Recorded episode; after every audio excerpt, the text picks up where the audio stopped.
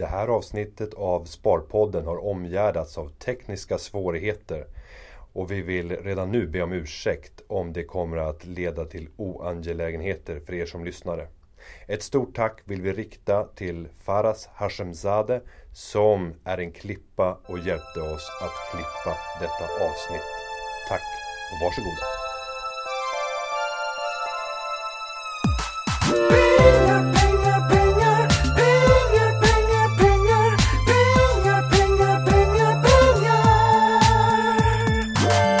Hej och hjärtligt välkomna till Sommarsparpodden med Günther Mårder. Oj, oj, oj. Och Jan Dinkelspiel. Vi befinner oss för första gången någonsin i Sparpoddens historia på skilda orter. Var är du Jan? Ja, det här känns ju... Jag är i Skåne. Längst, längst, längst ner i Skåne. I Falsterbo. Och jag är längst, längst, längst in på kontoret i Alvik. För att eh, Ja, kämpa men du har lite... Att... Du är ju väldigt självständig, eller hur? Du, har, du, du eh, tar lite semester när du känner för att ta lite semester, eller hur, hur fungerar din semester? Ja, igår så tog jag semester från klockan fyra. Eh, åkte hem och, var, och lekte med barnen i det vackra vädret. Idag kanske blir klockan tre, vad vet jag. Eh, nej men jag ska Men på riktigt, har du bestämt vilka eh, fyra veckor du ska ta? Eller tre veckor du ska ta? Eller, Ja, eller, jag hade nog tänkt kommande tre veckor Men, men eh, alltså fram till första veckan i juli Eller för, första veckan i augusti Då tänkte jag sätta igång igen Men å andra sidan så är inte jobbet på det sättet Utan kommer det något under rapportperioden som man måste reagera på Det gäller bara att släppa allting annat För att kunna servera spararna goda tips och bra idéer för hur man ska agera i, i sin ekonomi Du sitter nästan och garvar ser jag Yes. Ja, Men jag konstaterar att vi, vi, vi har teknik som vi försöker få ordning på. Den är inte 100% just nu när du pratar. Jag vet inte om du har samma upplevelse. Lite grann, men, men jag tror att lyssnarna kommer få en fantastisk upplevelse snart. Aktuellt, ska vi börja i, eh, i fotbollsvärlden eller ska vi börja i räntevärlden? Låt oss börja i det viktigaste, fotbollsvärlden. Vilken förnedring! Chocken i Belo Horizonte, eller vad heter Ja, det? jag vet inte. Herrejösses alltså. Eh, när det stod 4-0 då twittrade jag ut alltså nu eh, när eh, brasilianarna grät på läktaren eh, så gäller det bara att förklara att i Sverige så gråter vi inte när vi ligger under med 4-0 mot tyskarna. Vi säger nej nu jävlar. Och så vänder man det. Men Ja. brassarna har inte den, där, den där svenska mentaliteten saknades hos brassarna. Du, du, du tror att det var det det hängde Ja. på? Att de saknade, de Hamrén. saknade Kakaniklic och, och eh, de saknade Shine. Ja, men, Då, då måste nu, tror, du- tror du det var Scolari sa i halvtid? Ni, ni måste visa shining grabbar. ja. Förstår du? Då, då hade ju någon tagit en fotbollsdoja och slängt i huvudet på Nej honom. men vissa vill ju hävda att det här kommer att kunna slå mot brasiliansk ekonomi på grund av att det blir en, en uppgivenhet hos folket när man blir så fullständigt förnedrade och att man kanske tänker att okej vi har en svag ekonomi, det mesta går i fel riktning och nu har vi inte ens ett fotbollslag. Vi är, eh, Det är inte bra för min... lost. Det är inte bra för min brasilianska ETF. nej, Men jag har framförallt hört att, eh, att eh, alltså, det- man, man tvekar. Vinner presidenten så kommer hon att bli garanterat återvald. Och, och vinner, vinner inte Brasilien, vilket de nu inte gör då, så blir det tuffare i höstens val. där var det någon det från det jag. Jag undrar om det inte var från Barclays, någon, någon chefsekonom där motsvarande som sa att om eh, presidenten tapp, tappar makten i, i valet här, då väntar en uppgång på 25%. Jag tycker det är så underbart att bara säga så. Vilken klockren analytiker. Då går börsen upp 25%. Ja men då är det väl, då borde börsen gå upp idag för att eh, förlusten innebär att presidenten inte blir återvald och det innebär att börsen kommer att gå upp alltså. Behåll din E ETF. Det borde vara bra Behåll för min ETF. brasilianska jag, jag köper mera på den här informationen Men du, eh, sen tävlade ju folk på Twitter igår om att, eh, att vara så humoristiska som möjligt Mm. Såg du några sköna tweets om, om förlusten? Eh, ja, det såg jag faktiskt. Eh, någon som twittrade Flytta på er tyskar, nu vill jag göra mål på Brasilien. Det tyckte jag var bra. Ja, det var bra. Ja. Och det var någon som skrev att, att nu är drottningen både väldigt glad och väldigt, väldigt ledsen. Ja, den är också bra. Det tycker jag också den kul. bra. Ja. Skickade du något, något ja, fanns tröst-sms till, till drottningen? Eh, jag skickade inget tröst-sms till drottningen. Jag skickade till min gode vän Filip Scolari. Mm. Eh, men det, var- det, det, det var där jag stannade. Och eh, från den ena chocken till den andra. Dubbelsänkningen från Riksbankens sida förra veckan. Vi var inne och touchade på det redan Ja, kan inte du berätta lite Eller hur? Det var vi ju. Att, Men kan inte du berätta lite om vad som har hänt i direktionen den senaste? För det är ju så att det är en direktion på Riksbanken som bestämmer hur räntesättningen ska ske. Så berätta lite vad som har hänt. Ja, Riksbank, Och gå tillbaka ja, lite Riksbanken leds ju av sex stycken direktionsledamöter. Du har en ordförande Riksbankschefen Stefan Ingves. Och därtill så har han fem stycken viceordföranden. Och det kan man ju tycka är lite konstigt. Kan de inte välja ut vem som ska vara vice? Nej, alla är vice riksbankschef.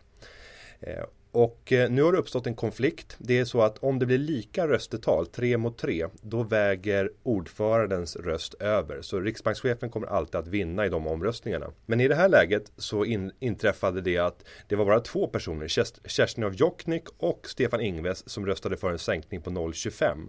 Eh, och övriga fyra röstade för en sänkning på 0,5. Så de reserverade sig mot beslutet mot en sänkning på 0,5. Och det här är ovanligt, att riksbankschefen blir överkörd av sin direktion. Det hör inte till vanligheterna och det är klart att det blir ett nederlag för en, en chef när eh, om man säger, ledningsgruppen eller styrelsen i övrigt röstar ner den.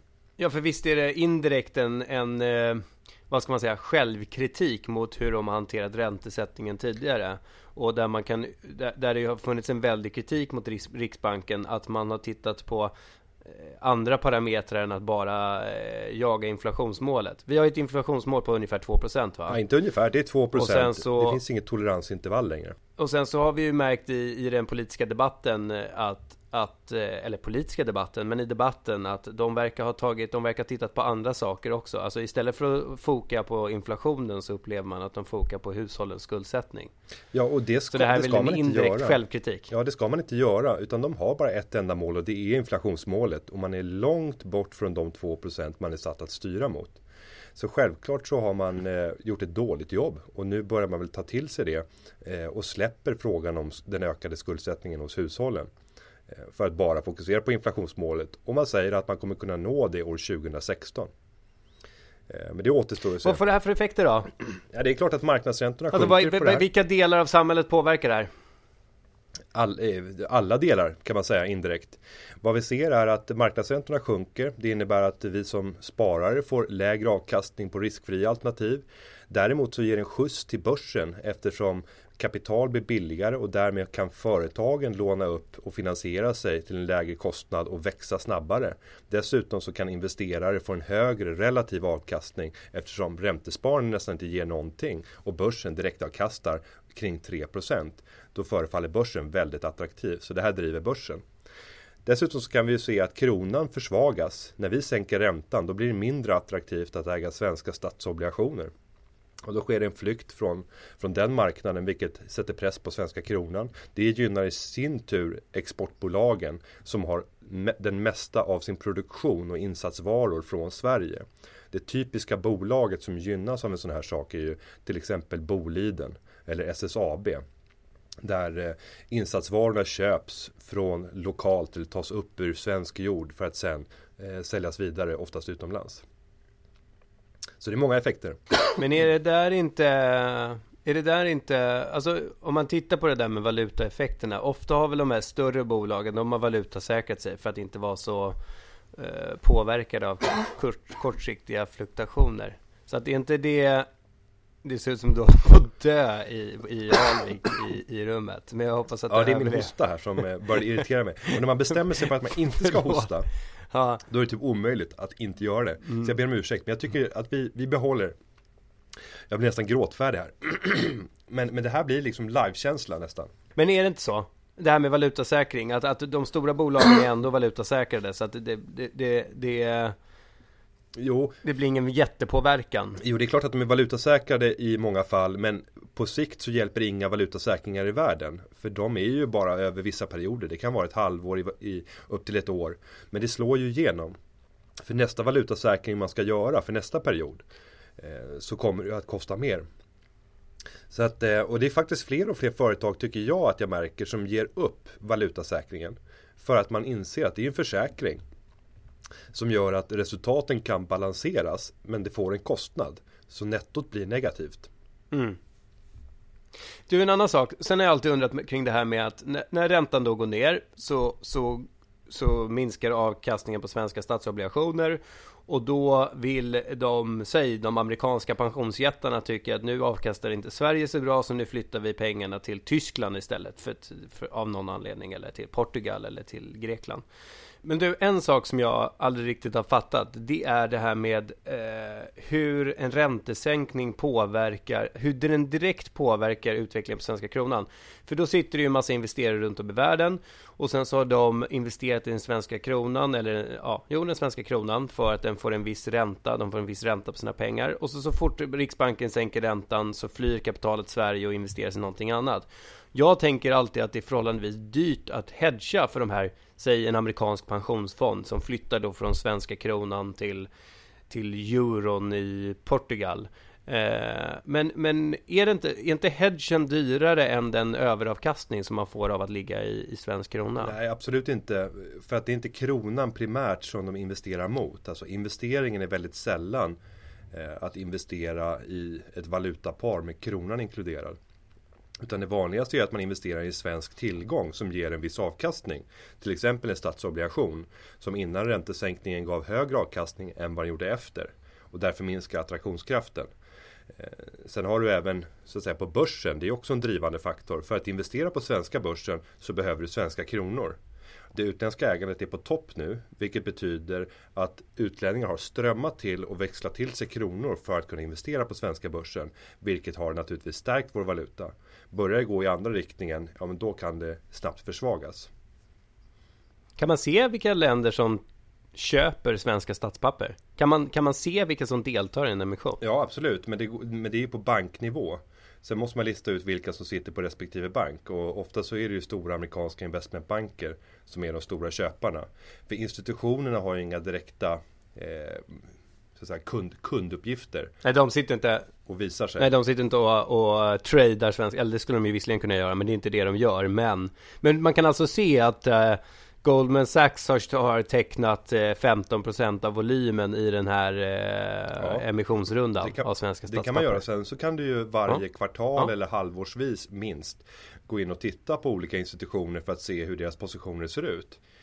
Och därmed så kan man ju då tolka vad man har gjort för affärer senaste tiden. Så att, men det blir snarare en efterhandskonstruktion. Vi kan inte se ögonblicksbilder över vilka eh, institutioner i världen det är som, som köper. Sen en annan intressant grej är ju att, eh, då är, som du precis var inne på, det är ju att relativavkastningen, alltså avkastningen att ligga i aktier blir relativt sett mycket bättre än att ligga i räntesparande eftersom räntan går ner. Men sen kan man ju också se det utifrån ett långsiktigt perspektiv att Riksbanken är livrädda över den, de svenska konjunkturutsikterna. Och att det här är en indikation, att ligga på 25 punkter Det är en indikation på att det finns väsentliga utmaningar i den svenska ekonomin Och det i sin tur är inte bra för den svenska konsumtionen eller ja, men, Det finns massa olika parametrar som, som, som inte går bra i Sverige Och det kommer påverka företagen på lång sikt Ja. Är det inte lite paradoxalt? Visst är det så. Och vill man, vill man fördjupa sig i vilka effekter det här får för dig som privatperson så har jag gjort ett inlägg på nordetbloggen.se där jag just diskuterar vem är vinnare och vem är förlorare. Och min slutsats det är att vi är egentligen alla förlorare på grund av att en sån här låg ränta det tar man inte till om det inte är allvarliga problem i ekonomin. Och just nu är problemet att inflationen inte finns där och ett risk, en risk för ett deflationsscenario. Ja, nog om det. Men vi kommer att toucha boende, för vi har fått in många frågor om boende från eh, er där ute. Så att vi, vi kommer att komma tillbaka till bostadsmarknaden. Ska vi- och, och, Jag ska vi inte göra det på direkten här med Anton? För redan samma dag som räntesänkningen presenterades så twittrade han in under hashtag Sparpodden. Ska man binda bolånen nu? Kan väl inte bli lägre härifrån? Oj, oj, oj, oj, oj. Hur tänker du då? då? Nej, jag säger bind aldrig boräntan. Det är min generella uppfattning. För jag tycker att det blir spekulativt och riskfyllt. Eftersom du aldrig, eh, alltså en, en, att när du binder någonting så innebär det att man köper indirekt en försäkring. Eh, och en sån här försäkring kommer att kosta pengar. Banken gör sin egen kalkyl för förväntad framtida utveckling för räntan och så tar man betalt för ett ganska dåligt scenario för dig som, som räntetagare, i det här fallet bolånetagare. Så därför får man ett sämre pris än vad man egentligen borde få om de hade gått på förväntad utveckling för räntan. De tar ett något sämre case för att få betalt för eh, extremfall där banken skulle kunna förlora pengar. Så att nej, jag, jag binder... Vet du vad femåringen ligger på? Eh, nej, nu har jag inte tittat men det är klart att den är på rekordlåga nivåer. Och det gör att det är ju mindre farligt idag att binda räntan än vad det var för 3, 4, 5 år sedan. För då fick man ofta betala hutlöst mycket mer.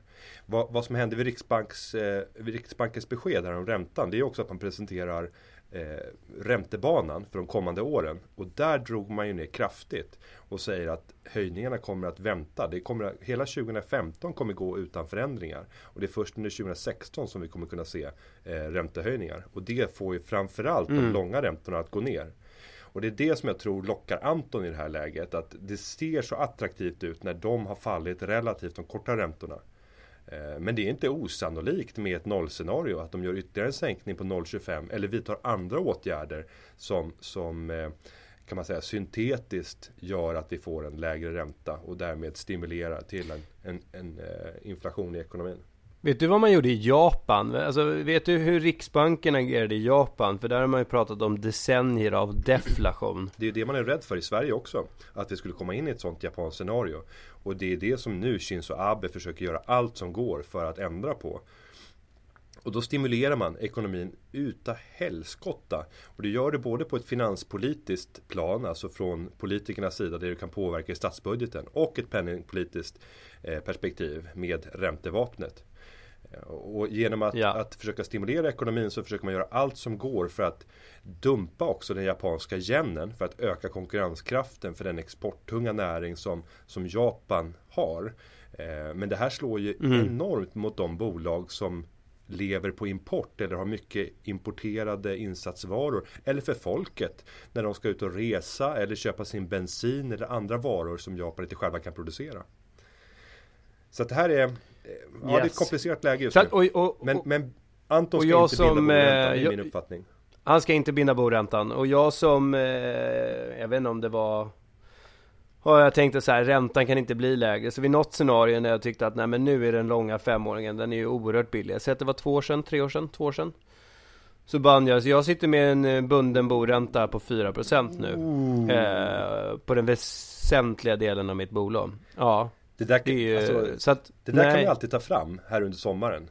Om man vill liksom känna att Det man, man är inte helt misslyckad i alla fall. Då kan man tänka på jag Men som det- sitter där och tuggar sina det 4% är ju- på sin det- ränta. Herrejösses. Det är ju också, det är också intressant att, att när Riksbanken gör en sån här sänkning, då förstår man att då sitter det ute i hushållen, sitter det de med, med tre månader rörligt som bara säger Ja! Nu blev det ännu billigare och jag kan liksom känna mig ännu mer förmögen och sen så sitter det vi idioter som, som eh, då proklamerar att man aldrig ska binda sin ränta men ändå gjorde det i något scenario Varför och säger varför åt helvete och kolla på nästa Varför använder du ordet vi när du börjar prata om idioter? Ja, Då plötsligt så frågar du. sammanhanget Ja, I det här sammanhanget tillhör jag en av dem. ja. Bra, men ska vi gå vidare med Men vidare nästa? då till... Eh, ja, det tycker jag. Ta Oskar. Mm. Eh, han eh, har en fråga kring det här med bolån och byta bank. Men han sitter med tre månader... Eh, nej, han sitter inte med det. Utan han ska köpa. Och sen så undrar han då om han då går runt och prutar och, och förhandlar till sig bra villkor i tre månader rörligt. Kan han när som helst under den här löptiden Eh, eller under det, den perioden som han har sitt lån bara gå till en annan bank utan att behöva betala massa straffavgifter. Gör oss visa Günther, hur fungerar det? Eh, ja, alltså en tre månaders ränta, där har du ju, det är ju en bunden ränta på tre månader. Det är ju inte rörlig ränta. Förr i tiden fanns det faktiskt en rörlig ränta. Men det innebär alltså att man kan byta eh, var tredje månad, eller när varje tre månaders period löper ut. Då kan man byta utan att det utlöser någon ränteskillnadsersättning. Och eh, därmed så kan man ju klara av bank för bank och man kan ju då ta ett första lån Eh, utan att ha gjort den där tuffa ränteförhandlingen. Men vad man däremot ska tänka på det är att banken ofta har en uppläggningsavgift för lånen. Eh, det är inte ovanligt att det kanske ligger på 495 kronor. Och du vet en 500 för att lägga om om man har kanske då flera lån kopplat till sin bostad. Om, om jag har en, en villa och har kanske fyra pantbrev och tar fyra olika lån på det. Då är det en uppläggningsavgift i många fall för alla fyra lånen. Eh, och därmed så kan det bli ganska kostsamt om man håller på och byter ofta. Men en gång eller två, det, det är strunt samma. Det kan man, det kan, den kostnaden kan man gott ta. Så att det är inte dyrt och det är inte heligt att, att vara färdig vid första förhandlingen. Tror du inte man sitter på ett lite bättre förhandlingsläge? Alltså jag skulle känna mig mer trygg om jag kom till en bank och sa att men jag sitter med 1,95 nu tre månader rörligt. Och så kanske jag skulle ljuga lite och säga att jag sitter på eh, rörligt 1,85. Vill ni matcha det? Alltså Mina- än att du går runt och shoppar utan någon typ av ljuga. Ja men det är väldigt fint. Men just i en förhandling, en sån här typ av Mm. förhandling så kan du väl skarva lite. Kan man inte få göra det? Ja, Okej. Ja, det, vi, vi har olika inställningar till, till sanning. Men, Ja men om du, om du, om du ska fra...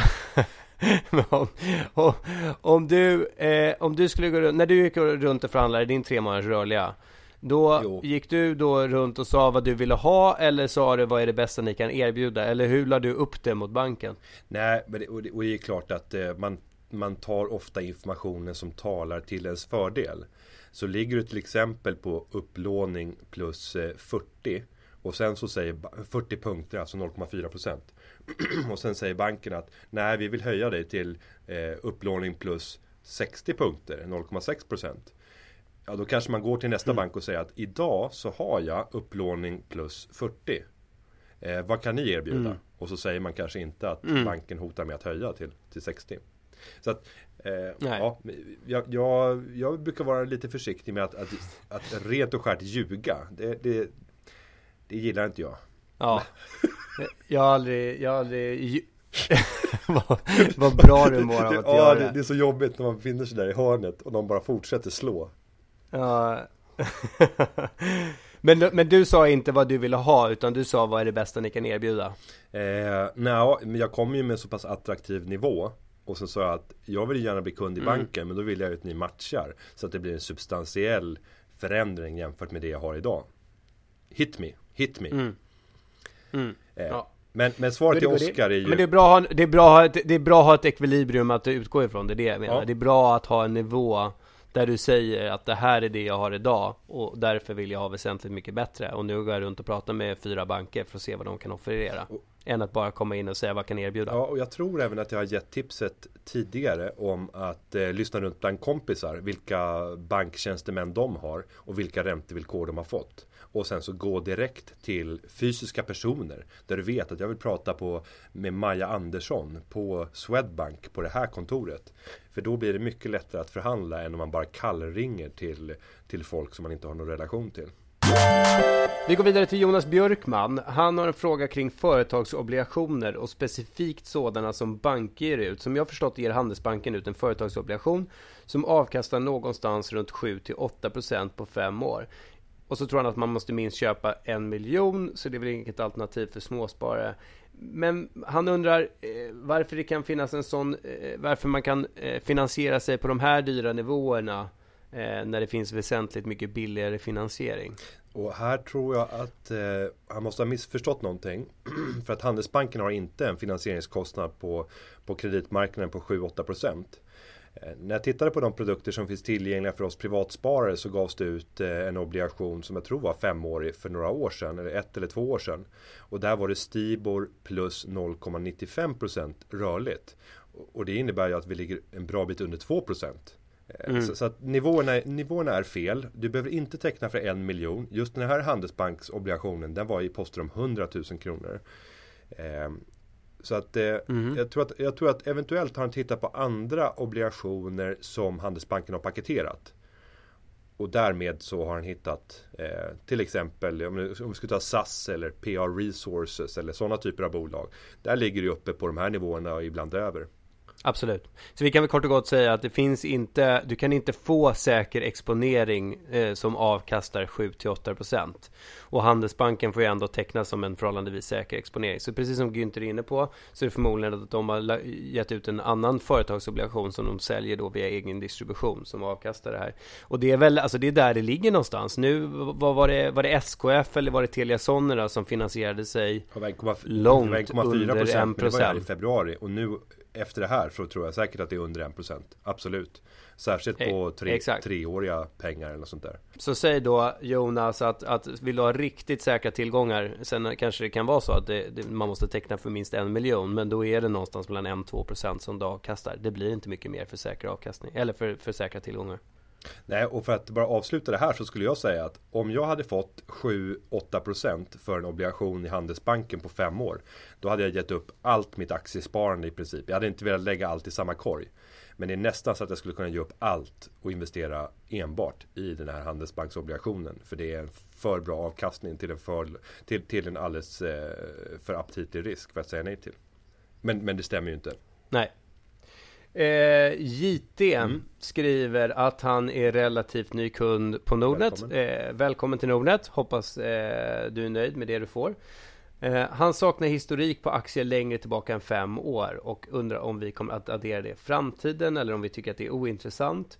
Och sen så undrar han om avkastningshistoriken på aktier är inklusive eller exklusive utdelningar och eh, vad som gäller på fonder om det är inklusive eller exklusive avgifter. Om jag tar det början då Ja, det eh, med, eh, med, utvecklingsfråga. med eh, eh, femårig avkastning. Jag håller med dig eh, JT. Eh, är väl det enda jag kan säga så här utan att lova mer. Eh, när vi, alltså vi utvecklar vår plattform så vill vi, vi vet att vi har intresserade och pålästa sparare som är kunder på Nordnet. Och ju mer data vi har desto bättre. Jag vet faktiskt inte exakt vad som limiterar oss. Jag, jag, jag skulle kunna lyfta på luren och ringa till min kollega som jobbar, som faktiskt inte har gått på semester än. Men det har jag inte gjort. Men jag vet inte vad det är som limiterar oss till, till fem år. Om det är våra egna begränsningar eller om det är begränsningar hos vår dataleverantör. Men utan att lova något så kan jag ju bara konstatera att data är någonting som är intressant för många sparare och eh, någonstans är det en ambition i framtiden att ha mer data kopplat till olika instrument. Så att jag, det är verkligen ett här politikersvar. Eh, bra, tack för din reflektion, jag håller med dig men jag kan inte ge några garantier. Nej, och jag förstår varför JT ställer frågan just nu, för den är särskilt intressant. För nu är det mer än fem år sedan vi hade finanskrisens eh, värsta timme. Och det gör att vi vill gärna relatera till hur högt stod det innan finanskrisen, sommaren 2007 eh, och 2008 innan det började falla dramatiskt där på hösten. Det hade ju redan fallit från sommaren 2007. Eh, för att kunna relatera tillbaka till historiska toppnivåer och de missar man nu. Nu ser det ut som att det är bara en formidabel uppgång. I själva verket så är det faktiskt en återhämtning. Så att eh, ja, jag, jag ställer mig i kö där. Jag vill ha samma sak som JT, mer historik i, i graferna. Yes. Men då kan väl jag gå över och, och svara på de andra när det gäller avkastningshistorik. Exklusive eller inklusive utdelningar. Och när det gäller aktier så är det alltid exklusive eh, utdelningar. För att utdelningarna den skiftas ju ut i samband med eh, årsstämman. Den kommer eh, att eh, skiftas av dagen efter att årsstämman har hållits. Ehm, och och det, det gör att aktien normalt sett sjunker under den dagen så att den avkastningsgraf som- du ser Det är absolut inte hela avkastningen. Tar vi ett bolag som Fortum som har avkastat mer än 7% i, i direktavkastning per år Så är det en väsentlig eh, del av den totala avkastningen. Sen så har vi fondhistoriken. Där är det Men du, du, du, borde inte det göra att man ser lite mer hack i avkastningsgraferna än vad man gör på Nordnet? eh, än vad man gör. Eller menar du att de här, de här hur, hur det pareras ner? Nej men jag tänker precis som du är inne på, om man direktavkastar 5% så ska ju kursen gå ner 5% av, dagen efter utdelning. Borde, det inte se, borde man inte se lite tydligare hack i avkastningsgraferna? Det gör man ofta. Ja. Så ofta kan man säga, man kan titta på den här perioden som någon gång är mellan mars och maj i de allra flesta fallen. Och ser man ett, ett brant fall då som verkar vara lika stort som eh, direktavkastningen då kan man nästan garantera att det måste vara den dagen. Eh, men det kan ju bero på andra saker också. Sista frågan handlar Japp. om fonder och fondhistorik. Eh, Är det exklusiv eller inklusive avgifter? Och det är alltid inklusive avgifter. En fondavkastning får inte redovisas med mindre än att avgiften är avdragen. Och avgiften dras varje dag. Det kan ju låta hemskt, men man delar upp och tar då eh, en dags avgift. Så man delar på, det är inte 365 utan 360 tror jag som man gör i bankvärlden. Man delar hela årsavgiften på 360 och så smetar man ut över, över året. Eh, Så därmed så drabbas avkastningen negativt löpande. Så att det är inte den som äger den vid årsskiftet som betalar avgiften eller sådär. Men- det var väl svar nog Men det kan man ändå se som någonstans en trygghet för spararna, eller hur? Att, att eh, just att det, det är det som gäller på fonderna. Så att man, be, man kan ändå när man tittar på avkastningsgrafen så behöver man inte tänka på att det finns eh, en, en låg eller en hög avgift kopplat till, till fonden som man måste ta hänsyn till. Så att ligger i grafen. Ehm, sen så hoppar vi friskt till Nils Håkan. Eh, han har en fråga eh, kring insiders, om det här kryphålet finns kvar i kapitalförsäkringen. Det vill säga att insynspersoner inte är skyldiga att rapportera när de handlar i den egna aktien eh, när det sker genom kapitalförsäkring. Det stämmer. Och gäller det fortfarande? Det stämmer. Eh, Alla insiders som gör affärer är ju tvungna att skicka in en dokumentation till Finansinspektionen senast fem dagar efter affären. Eh, Men det behöver man inte göra med en kapitalförsäkring. Om man gör det ändå så kommer Finansinspektionen bara riva pappret och säga ja, vi vill inte ha den här informationen. Så det gör att man som insiderklassad person kan göra vilka affärer man vill. Eh, Sen finns det andra avtal förmodligen inte. Är du 101% säker på det här? Ja, det är fortfarande inte löst. Eh, Men man har varit på frågan. Jag tror till och med att det var vår gamla VD som fick i uppdrag att eh, utreda frågan, Claes Danielsson. Eh, Och han kom till ett antal slutsatser. Men, men man har inte gått vidare och fattat beslut i frågan för att täppa till det. Men jag trodde att det var så att om jag, om, om jag nu kan inte jag köpa Nordnet-aktien eh, i Nordnets kapitalförsäkring. Eh, för att då skulle det vara som att Nordnet köpte upp aktier i det egna bolaget och det går inte. Men eh, jag trodde att det var så att om jag rapporterade det så blev det ändå så, så blev det rapporterat av Finansinspektionen men att det helt enkelt är upp till mig att välja huruvida jag vill eller inte vill. Nej, Nej. det är inte Nej, så. det De river det. Utan eh, Nej. normalt sett så brukar bolag gå ut och rapportera att en insynsskyddad person har gjort en affär i en, i en kapitalförsäkring. Men, men den informationen kan man inte verifiera. Eh, utan det blir bara ja, frivillig uppgift. Tyvärr. Jag Det fattar. där slår mot Ja. förtroendet. Besvärande. Ja. Sen har vi Magnus. Vad säger han? Ja, han vill ju att vi ska prata mer aktier och resonemang bakom hur vi tänker kring våra inves- investeringar. Han ställer även fler frågor, men vi kan väl börja där. För att eh, du har gjort några investeringar senaste tiden. Eh, hur har du tänkt i samband med dem? Och vill du berätta vilka det är?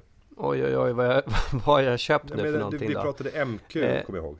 Ja, det gjorde vi. Men, men, men eh, det är väl framför allt det är ju jobbigt. Men, men vi pratar ju regelbundet om att eh, sälj inte för tidigt och köp inte aktier som går ner. Och jag har ju gjort precis det. Jag när jag la- lite tid på, på att analysera aktier så identifierade jag ju, tror jag, tre, nej men jag ska, inte, jag ska inte glömma de som var dåliga. Men det var ju Elanders som jag gick in ganska stort i. Sen var det ju MQ. Sen var det ju eh, Concilium. Och sen var det Eolos Vind. Och jag tror att Eolos Vind är väl den som inte utvecklats särskilt, särskilt bra. Den sålde jag. Och sen så gick ju MQ upp ganska bra och då sålde jag den. Och sen så gick Concilium upp ganska bra och så sålde jag även den. Och tittar jag nu så här, ja, om det är tre månader senare så har ju MQ fortsatt att, att ligga kvar i sin vinnande trend. Och Concilium har ju gått superstarkt. Jag tror att jag sålde på 32-33 och den ligger ju upp mot 40 nu eller någonting. Så att återigen så har jag gått på det här eh, misstaget att, att det, det smakar så gott med en vinstemtagning så att jag har sålt alldeles för tidigt. Så att trots att jag proklamerar det här i Sparpodden så, så agerar jag inte så som jag lär. Så det är väl värt att ha i åtanke. Eh, sen så har jag väl i min Shareville-portfölj investerat jag har gjort lite nya investeringar.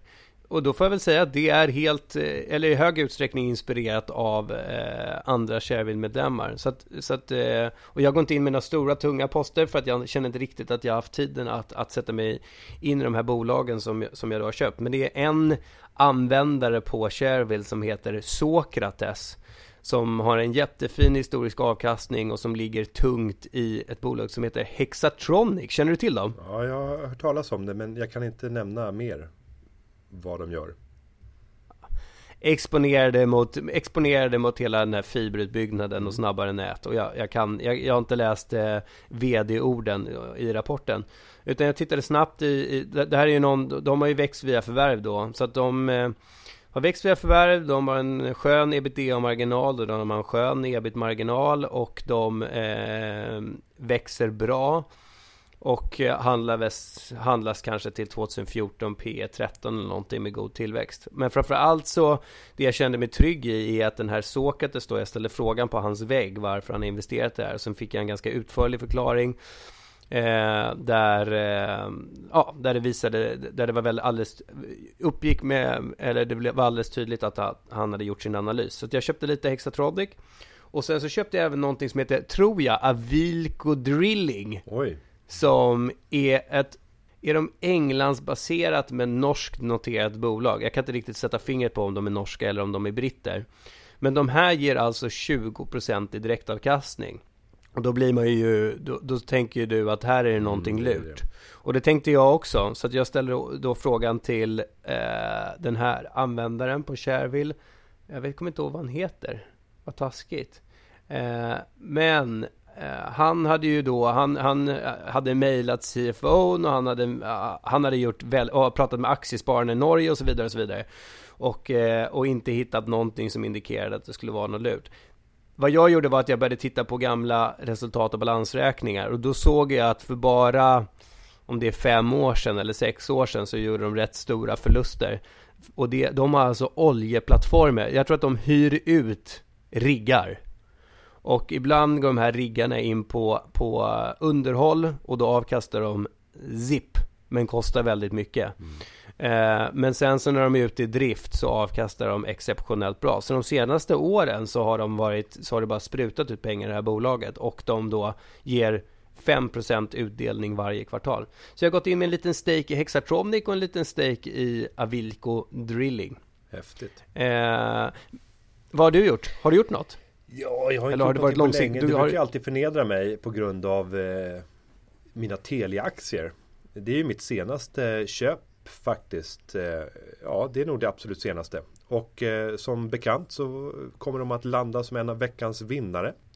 Ett annat eh, bolag är Tribona. Jag tror också att de kommer landa som en av vinnarna den här veckan. Det går bra nu Jan. Det går bra nu. Det här med just Telia tycker jag är spännande. För att jag köper ju för att ha en liksom defensiv eh, tillgång i min portfölj där jag fokuserar mer på direktavkastning än på kurspotential. Men lik förbaskat så har jag fått en, en 13% avkastning i, i aktien nu. Eh, utöver den kupong som jag väntar mig. Så att eh, jag ligger kvar. Jag tänker eh, hålla ut en, en, en bra stund till för att Köpet nu av, av eh, från Tele2, eh, den norska verksamheten. Eh, det kommer att tillföra en eh, fantastiska synergier och jag tror att det här kommer kunna ge en ännu bättre utdelning framöver. Så ja, en ganska tråkig defensiv placering, men sån är jag. Eh, Jag kan inte rå för det. Mm. Hur tänker du allmänt kring eh, sommarbörsen då? Eh, kul vad, vad brukar du göra? Brukar du gå, bli mer likvid? Eh, Vad är det man säger? Sell in May and go away Ja, eller? nej, nej. Utan eh, vad jag brukar göra det är att ägna mig åt sommarfiske på börsen. Jag går till småbolagsaktierna och tittar på vilka är det som har sämst likviditet och där spreadarna, skillnaden mellan köp och sälj, är som störst. Och sen brukar jag lägga in en matta. Nu tänker inte jag avslöja vilka aktier som jag har matta i i år. Och en matta för mig, det är när jag lägger stora köpordrar dolda eh, som ligger kanske då 10% under senaste avslutet. Och rätt som det är så låter jag de här ligga i en månad. Rätt som det är så kommer någon att vilja sälja aktier och så trycker man till under sommarbörsen och så kan man fiska upp det här väldigt billigt. Det som är problematiskt med den här typen av strategi det är att du väldigt sällan får den mängden aktier som du vill ha. Så att eh, det kan sluta med att jag ville köpa för 100 000 eller 200 000 i det här småbolaget och så slutar det med att man fick 10 000 eller 20 000 Dock med ganska bra avkastning omedelbart eftersom det blir felprissättningar. Detsamma gäller ju uppåt. Du kan ta dina befintliga innehav och lägga en säljorder 10% upp. Eh, om det är en riktigt dålig likviditet i dem. Och ibland så har man tur. Sen kommer ju rapporterna. Och då ska man vara försiktigare med att ligga med sådana här långa order. För du vet inte alls vad rapporterna kan, kan göra. Jag ska göra en studie på hur mycket småbolag versus large cap-bolag brukar svänga i samband med sommarrapporterna. För jag har en tes att eh, sommar, eller eh, small cap-bolagen rör sig relativt sina övriga rapporter så rör de sig mer under sommaren än vad large cap-bolagen gör. Jag vet inte. Det är min tes. Du, jag undrar också, kan du inte, vad är rationalen för att om du ska ligga och bottenfiska på en köp med en köporder, vad är rationalen för att ligga dolt då istället för att blotta? Om vi, om vi säger att eh, orderboken står i 29 och, eh, och 30 så du har köpare på 29 och du har säljare på 30 men det ligger 100 på köp och 100 på sälj. Och så lägger du in en köporder på 5000 på 25. Vill inte du blotta i marknaden att eh, du ligger här? Om det är någon som är liksom är trött på den här aktien och bara vill casha hem så finns det en fet köpare på, på, på rea-nivåer. Ja, ibland så kan det vara en fördel. Men jag vill att det ska synas ett visst antal aktier. Kanske 20% av volymen som man vill ha. Så att man vet att det finns en reell möjlighet att sälja just nu. Men jag vill inte visa hela. För då föder det incitament hos andra att lägga sig precis ovanför. Och döda mina möjligheter att kunna göra det här bottenfisket. Så det ska vara en liten. Om du vill ha för 200 000 kronor så kanske jag lägger ut för 20 000 eller 40 000 kronor i botten så att det syns. Om inte någon annan redan har gjort det. Eh, ofta så försöker man ju bara matcha den som ligger lägst. Eh, för att på så sätt eh, kun, kunna få upp större volymer. Men det där är ett litet hantverk. Ja, det är ett litet hantverk. Men om du köper då, om, om vi säger att du ska köpa en aktie och det återigen står en 29 mot 30 och så ligger det någon på 31 och eh, det ligger 100 stycken och säljer på 31 men du vill köpa, du är beredd att köpa 1000 på 31 Lägger du, tar du de där 100 för att se om det ligger en dold volym där bakom eller lägger du direkt en köporder på 1000 på 31? Nej, ofta så lägger jag mig bara i botten. Jag struntar i att ens titta på det. Det är väldigt sällan som jag går in och, och undersöker. Så att ehm, Jo men nu, nu, nu pratar du om bottenfiske, jag pratar om du lägger en aggressiv order och ska, och ska slå på, på, på säljsidan. Så att, så att eh, du vill fånga upp, du vill köpa 1000 men det ligger bara 100 på 30 och 100 på 31. Men du vill ha 1000 och du är beredd att betala 31. Lägger du då en köporder på 31 på 1000 eller tar du de här 200 och ser om det finns ytterligare volym i marknaden? jag prövar nog att beta av. Alltså skjuta av 50 först för att se vad hände med antalet. Eh, låg det en dold order innan som gick före så att det fortfarande står 200 aktier. Eh, då kan man trycka ut 50 till. Och det där kan vara ett bra tips till alla. att Man räknar ju samman alla avslut under dagen för att få en nota och därmed betala ett courtage. Så det är inte farligt om du handlar i en aktie att pröva på det här sättet. Vissa är rädda att man drabbas av, av dubbla courtagekostnader men så är det inte utan man bryter för hela dagen. Så därför kan man faktiskt bara pröva först. Vad händer om jag börjar beta av? Eh, innan man lägger en, en större order. Eh, här, Och rent generellt då, lägger du, lägger du regel passiva ordrar eller aggressiva ordrar? Och då förklarar vi att aggressiva ordrar är om du Hämtar hem köper någonting som du får avslut på direkt Ja. och hämtar hem. Ja, alltså säljer man på 30 och du köper på 30 och du ser den volymen på 30, då är det en aggressiv order. Men om du lägger in det på 29,50 istället, så att Mm. den får ligga och låta någon annan, då är det en passiv order. Ja, nej, jag är defensiv. Eh, jag väntar oftast på avslut under dagen att vi ska Oväntat. få en dipp. Ja, men du Günther, vi har ju tänkt att de här sommarspecialen ska bli lite kortare, eller hur? Eh, Ja, det ska vi nöja det. oss här, eller? Ja, det kanske är så. Vi går ut och bottenfiskar en vecka och sen så får vi se vart i världen vi ses nästa gång. Och jag kan inte säga vem som kommer att klippa eller, eller publicera den här podcasten men mest troligt så är det Nayara, Seara eller Nicolas, Sayara! Nicolas Contreras. Contreras! Ha det gott, njut av sommaren, hej! Pengar,